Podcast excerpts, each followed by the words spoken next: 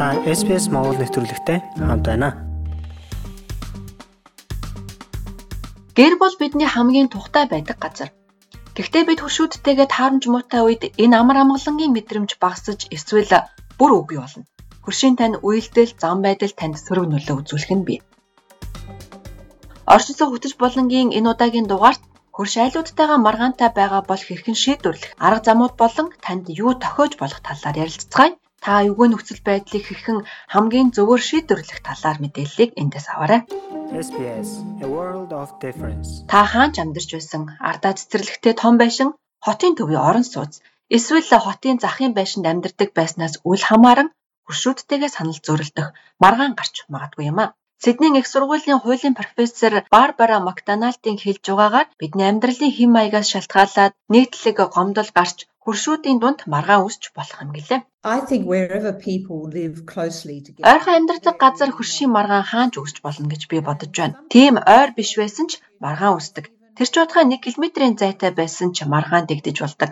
Тэр хоосон орон зайд чимээ шуугаан дэгдэж хуршин хэн нэгний орох үүдийг хаасан бусдад саад учруулсан ямар ч зүйл тохиолдож болно. Entry to somebody else's land in some way. Заримдаа хуршин хийж байгаа үйлдэл эсвэл хийхгүй байгаа нь төвөг учруулдаг. Гэвч Австралийн нийтлэг хуулийн дагуу тэр хүний зан авир төвөгтэй байх нь гомдол гаргах хангалттай шалтгаан болохгүй. Харин нийтийн эрх ашигт сөрөг нөлөө үзүүлж байвал гомдол гомдол гаргах бүрэн боломжтой. Хэрвээ альва асуудлыг аль бие усаар шүүхээр шийдвэрлэхийг хүсвэл таны гомдол жижиг эсвэл үндэслэлгүй байх зэрэг хэд хэдэн хүчин зүйлийг харгалзаж үздэг. Жишээлбэл хөрштэй нь шүн дунд чанга хөгжим тоглуулад эсвэл зөвшөөрөгдсөн цаг өнгөрчхөд байхад барилгын ажил хийж байвал нийгмийн хэв журмыг зөрчиж байгаа үйлдэл мөн байж болно.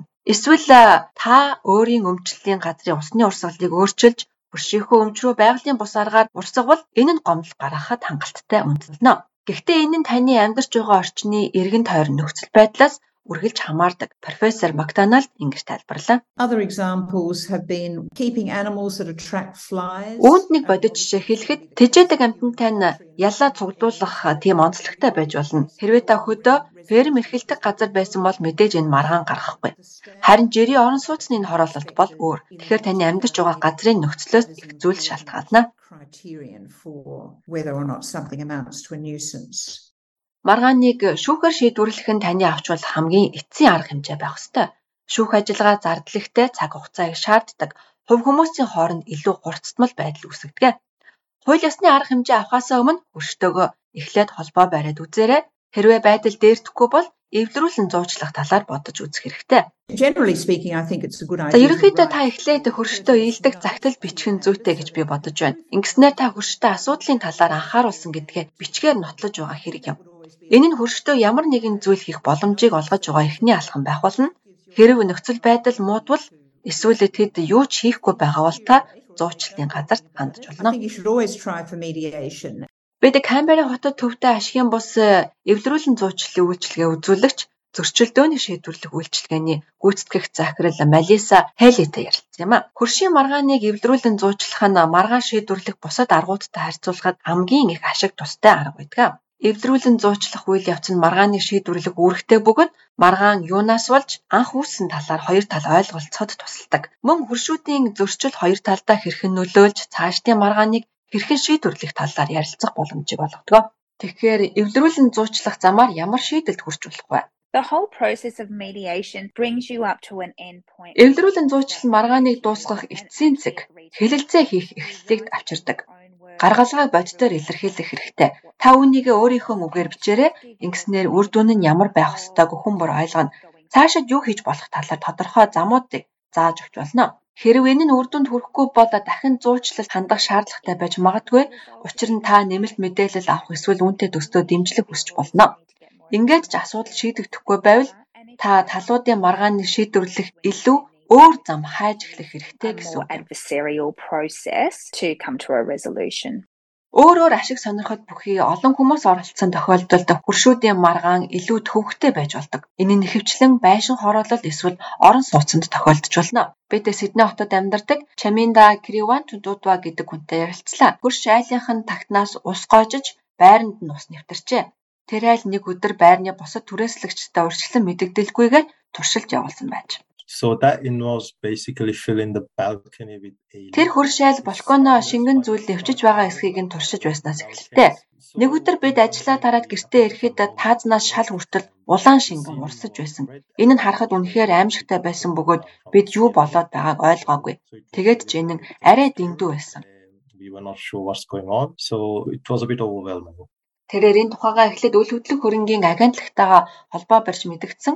За мөн New South Wales-ийн Fair Trade-ингээс ч мөн зөвлөгөө авсан гэж ярьж байна. Нэвчлэлтийг шалгаж байсан хөршин тухайн байрны давхаргын холбооны гишүүн байсан учраас асуудлыг шийдвэрлэх гэж ажиллах нь стресстэй байжээ. Хэдийгээр тэрээр хохирлын нөхөн төлбөр авсан ч энэ нь хожимдсан байсан хэмээн ярьж байна. Uh. Энэ бүхнийг хэн эхлүүлснийг агентлаг мэдээгүй. Дараа нь тус агентлаг үүссэн байдлыг хэн засах ёстой гэдгийг мөрдөх ёстой байсан. Эхнээс нь дуустал 3 сар орчмын хугацаа зарцуулсан. Гэвч хэн юунаас бол энэ үйл явдал болсон талаар ямар ч тайлбар байхгүй хариуцлага хүлээгээгүй. Үүний оронд тэд ийм зүйл дахиад тохиолдвол илүү мэдээлэл солилцдог байх зарим арга хэмжээ авсан. Энэ талаар Малиса Хейли хэлэхдээ маргаан шийдвэрлэх үед ирээдүйд ижил төстэй тохиолдлуудыг хэрхэн шийдвэрлэх талаар ярилцаж шийдвэр гаргах ёстой гэлээ. Мөн хөршийн аливаа маргааны үед мэдээлэл давлгааны хамгийн эхний очих газарт нь танай орон нутгийн захиргаа юм а. Your councils can usually Танай хотын захиргаа тусламж хүсч болох газарт хандуулдаг. Австрали даяар зуучлалын үйлчлэгээ байдаг бөгөөд зарим нь хувийн, зарим нь засгийн газраас санхүүждэг. За танай хотын захиргаа энэ талаар мэдээлэлтэй байгаа. Үүнээс гадна танд хууль зүйн туслалцаа үзүүлэх үйлчилгээч бас бий. Хөршийн маргаанаас урьдчилан сэргийлэх хинч хийж болох нэг энгийн алхам бий. Миний хэлэх хамгийн чухал зүйл бол шинэ байрандаа нүүж оцсон даруйда хөрш дээрээ очиж өөрийгөө танилцуулах явдал юм а. Энэ нь та хамгийн сайн найзууд байх ёстой гэсэн үг биш. Гэхдээ та эхлэлийг тавьж өөрийгөө танилцуулах нь урт хугацаанд асар их өөрчлөлтийг авч ирнэ гэдэгт би найдаж байна. Хэрвээ та хөрштэйгээ асуудалтай байгаа бол орон нутгийн маргаан шийдвэрлэх байгууллагад хандаарай. Бид мууч нутаг дэвсгэр бүрийн холбогдох байгууллагын цахим хаягийг нэвтрүүлгийн тайлбар хэсэгтээ орууллаа.